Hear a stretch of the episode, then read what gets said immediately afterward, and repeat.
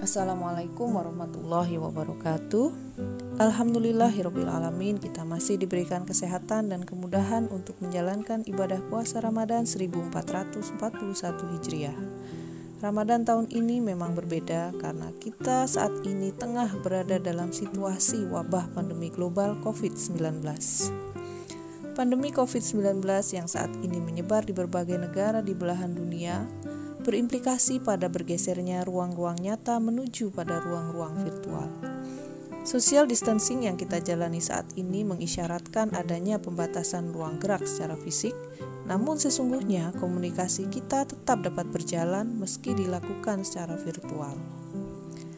Saat ini merupakan momentum yang cukup memberikan tantangan bagi kita di mana kita dituntut untuk tetap selalu terhubung dan berkomunikasi mungkin dengan kolega, rekan kerja, guru, murid, ataupun dengan sanak saudara.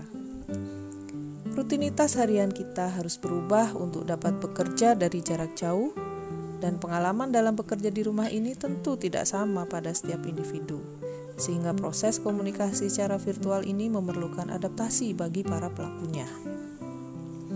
Namun pembatasan sosial ini tidak lantas membuat kita menjadi individu yang tidak produktif, tidak punya peran apa-apa, atau kalau dalam istilah zaman sekarang menjadi gabut atau mati gaya.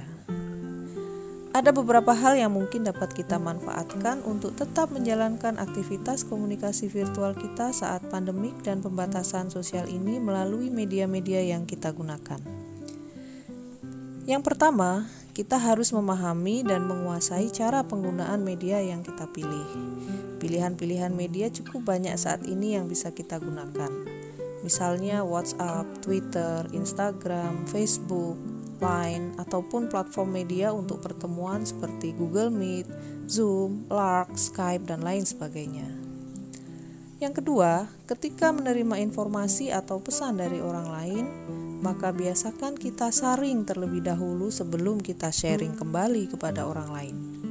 Kita perlu menyelidiki dan mencerna dengan cermat apakah informasi tersebut mengandung kebenaran atau justru membuat jadi blunder, memicu kesalahpahaman, memunculkan rasa takut, kekhawatiran, atau mendorong sikap stigmatis dan stereotip yang pada akhirnya dapat menjadi potensi konflik. Yang ketiga, Pemilihan diksi dan penggunaan kalimat dalam menyampaikan pesan. Terkadang kita menganggap bahwa berkomunikasi di dunia maya bebas untuk menuliskan ataupun mengekspresikan apa pun yang kita inginkan.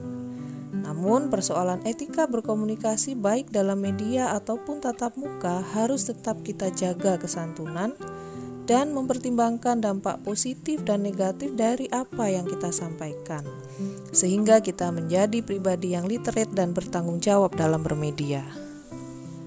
Yang keempat, tetap menjaga relasi dan sosialisasi meskipun dengan cara virtual. Kita dapat melakukan pertemuan, diskusi, ataupun belajar dengan memanfaatkan media-media digital agar kita tetap dapat terhubung dengan orang-orang yang kita inginkan. Menjalani komunikasi virtual tidak harus ketika dalam situasi yang formal. Sekedar menanyakan kabar ataupun menceritakan pengalaman-pengalaman ketika bekerja di rumah dapat menjadi hal yang menyenangkan dalam komunikasi virtual. Yang kelima, ada kalanya kita mengalami kejenuhan dalam berkomunikasi secara virtual, maka kita dapat menyeimbangkannya dengan diselingi aktivitas ringan lain di rumah yang mungkin dapat melibatkan seluruh anggota keluarga misalnya bermain bersama anak-anak, memasak bersama, bercocok tanam, ataupun sekedar bercerita dan menceritakan pengalaman-pengalaman yang menyenangkan pada saat sebelum ada pembatasan sosial. Sehingga hal ini menumbuhkan optimisme bahwa krisis ini akan segera berlalu. Dan yang terakhir, jadikan ruang-ruang virtual kita menjadi sebuah ruang silaturahmi yang mendorong produktivitas dan kebahagiaan dengan cara membincangkan topik-topik yang menarik, saling menyemangati, dan utamakan rasa saling menghargai dalam melihat gagasan atau pendapat orang lain. Ada kalanya bagi sebagian orang memanfaatkan ruang virtual ini untuk berkonsultasi, meminta pendapat, ataupun menumpahkan kepenatan yang dialami. Namun, hal ini harus kita lakukan dengan hati-hati dan tentu memilih orang yang tepat dan dapat dipercaya. Nah, kita menyadari bahwa naluri sosial kita tidak dapat memungkiri akan kebutuhan berkomunikasi, sebagaimana yang diungkapkan oleh seorang ilmuwan komunikasi Paul Watzlawick yang mengatakan bahwa we cannot not communicate. Kita tidak dapat untuk tidak berkomunikasi karena komunikasi itu berlangsung sepanjang waktu. Baiklah, demikian sharing yang bisa kita sampaikan dalam kesempatan kali ini.